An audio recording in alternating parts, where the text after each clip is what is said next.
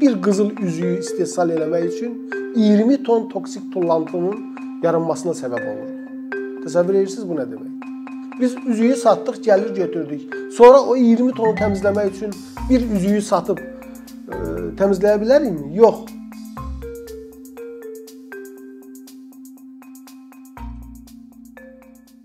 Deməli ilk növbədə mən transsərhəd çaylardan danışmaq istəyirəm. Transsərhəd çay nədir? Ən azı 2 dövlətin ərazisindən keçən çaya deyilir. Daha çox da ola bilər. Məsələn, Kür çayı Türkiyədən başlayır, Gürcüstanı keçir, sonra Azərbaycan ərazisinə daxil olur. Bu tip çaylara transsərhəd çayları deyilir. Bizim iki böyük transsərhəd çayımız var. Araz və Kür çayları. Burada problem nədən ibarətdir? Biz bu çayların çirklənməsini idarə edə bilmirik. Və yaxud yuxarıda Türkiyədə və yaxud Gürcüstanda kimsə buradan çox su götürürsə, buna da təsir edə bilmirik. Yəni bu bizim əlimizdə deyil. Və bu çaylar hər cür çirkləndiricilərlə çirkləndirilə bilər. Ermənistandan Azərbaycana irili xırdalı 20-dən çox bu cürə kiçik çay gəlir. Və mən ən böyüklərini sayım sizə. Akstafa çayı, Həsənsu çayı, Bazar çayı, Oxçu çayı, Bəsit çayı, Arpa çayı. Bunlar Ermənistan Respublikasından Azərbaycan Respublikasına gələn transsərhəd çaylarıdır. Bu çaylar Ermənistan Respublikası ərazisində çirkləndirilir və çirklənmiş halda Azərbaycan ərazisinə daxil olur. Bəs hansı tullantılarla çirkləndirilir? Bu çaylar hamısı təhlükəli tullantılarla çirklənir. Təhlükəli tullantı nədir? İnsanla təması zamanı insan sağlamlığına çox ciddi e, təsir verə bilən bir tullantıdır. Buna biz təhlükəli tullantı deyirik. Ağır metallar bunların başında gəlir. Qurğuşun, arsen, kadmium, sink, molibden. Məsələn, qurğuşunla çirklənmə zamanı əgər bir uşaq, balaca uşaq qurğuşunla çirklənərsə, bədəni onun e, onda beyin inkişafı ləngiyir. Və bu uşağın gələcək bacarıqlarına mütləq mənada təsir eləyir. Arsenlə çirklənmə uşaqlarda qısa boyluluq yaradır. Civə ilə çirklənmə digər xəstəlik, ciddi xəstəliklər yarada bilər. Xərçəng yarada bilər insanlarda. İndi nə baş verir? Məsələn, götürək Oxçu çayını. Oxçu çayı deməli e, Ermənistanın Sünik vilayətindən bizim Zəngəzur adlandırdığımız ərazidən Azərbaycan ərazisinə daxil olur. Qafan rayonundan Zəngilan ərazisinə. Burada nə baş verir? Oxçu çayının hövzəsində, yəni onun qolları var. 2 qolu var Birincisi birinci qolu çığı qoludur. Ermənilər Cegi deyir. İkinci qolu Noraşenik. Və bu qollar üzərində çoxlu deməli mis, molibden, arsen, qızıl ehtiyatları var ki, onu onlar deməli istismar eləyirlər və çıxardırlar. Və çıxardılan zaman da çirklənmə baş verir. Bu tullantılar birbaşa çaylara axıdılır və sonra heç vaxt təmizlənmir. Bəzən biz qızıl çıxarılmasına çox effektiv, gəlirli bir sahə kimi bax. Bu belə deyil. Mən sizə bir məlumat verim. Bir qızıl üzüyü istehsal eləmək üçün 20 ton toksik tullantının yaranmasına səbəb oluruq. Təsəvvür edirsiniz bu nə deməkdir? Bir qızıl üzük, kiminsə barmağında olan bir qızıl üzük və 20 ton toksik tullantı. Yaxşı, bu yarandı. Biz üzüyü satdıq, gəlir götürdük. Sonra o 20 tonu təmizləmək üçün bir üzüyü satıb təmizləyə bilərikmi? Yox. Ona görə də mən hesab edirəm ki, qızıl istehsalı çox effektsiz, gəlirsiz bir sahədir. Deməli belə bir yer çox mənzərəli, gözəl bir yer təsəvvür edin. Bolsulu çay, onun qırağında yaxşı bir kənd.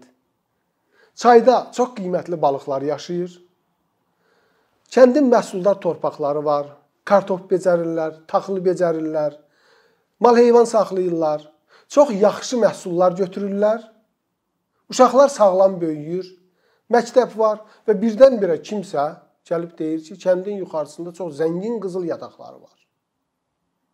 Və yerli əhalini, yerli icmanı aldadırlar.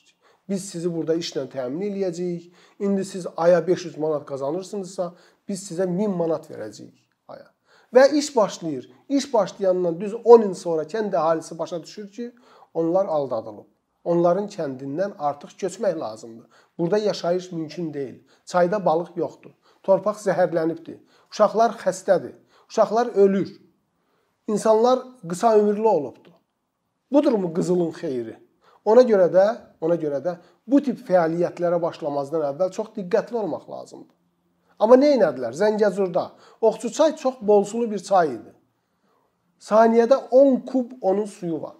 Çox qiymətli mineral maddələrlə zəngin olan bir su. 10 kub bilirsiniz nə deməkdir saniyədə? Bakı əhalisi bu gün bütün Bakı əhalisi saniyədə 3 kub su işlədir. Yəni 3 dənə Bakı şəhərini o su ilə təmin etmək olardı. Amma nə etdilər? Qacaranda mis molibden kombinatı tikildi, Qafanda tikildi. O Çığı çayı, Çığı onlar qeqi deyil, Çığı deməli qədim türk tayfalarıdır. Çığılı eşitmisiniz də belə bir. Deməli o Çığı qəbiləsindən olan, Çığı tayfasından olan adama deyilir o. O çayın üzərində çoxlu mədənlər açdılar, hansı ki çox mənzərəli yerlər idi və çirkləndirdilər. Bayaq adını çəkdiyim tullantılarla çirkləndirdilər. İndi özləri də çox pis vəziyyətdə qalıb və Azərbaycanı da çox pis vəziyyətdə qoyublar. Bu çayın suyu bu gün heç bir məqsəd üçün yararlı deyil. Məsələn deyək, orada kavart, kavart mədəni olubdu. Bu kavart mədəni e, hələ Sovet illərində bu istismar olunurdu. Yoxdur, daha qızıl qutarıb. İndi nə var orada? Deməli qızıl istehsalından sonra o, o çirkləndiricilər var. Onlar xüsusi özlü maddə vasitəsilə daşınır həmin yerə.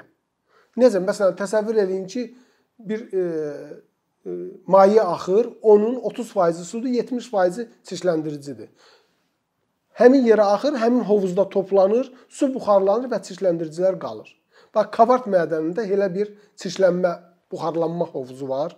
Həmin hovuzda 100 milyon tonlarla təhlükəli tullantılar var. İndi yağış yağanda həmin yağış suları, həmin mədənin o təhlükəli keçmiş mədənin təhlükəli tullantıları ilə qarışır, həll olur və axır çayı zəhərləndirir. Yəni bu zəhərlənmə əbədi bir zəhərlənmədir. Bunu təmizləmək çox çətindir. İndi mən məsələn, Bazarçay üzərində Dastakert kombinatı olub. Kombinat bağlanıbdı. Yoxdur. Daha qızıl istehsalı, mis istehsalı heç nə yoxdur. İş yerləri yoxdur. Amma çirklənmə mənbəyi kimi bax həmin orada o çirklənmə hovuzu böyük bir ərazidə qalıbdı. Düz Qafan şəhərinin üzərində böyük bir çirklənmə hovuzu var. Dünyada ən böyük çirklənmə hovuzudur. 5 kvadrat kilometr onun ərazisi var. Mən ötən il e, bir konfransda olanda Ankarada bir erməni, erməni geoloq orada çıxış eləyirdi ki, qorxuruq. Bir zəlzələ olsa, bütün o hovuzda olan çirkləndiricilər şəhərin üzərinə gələcək.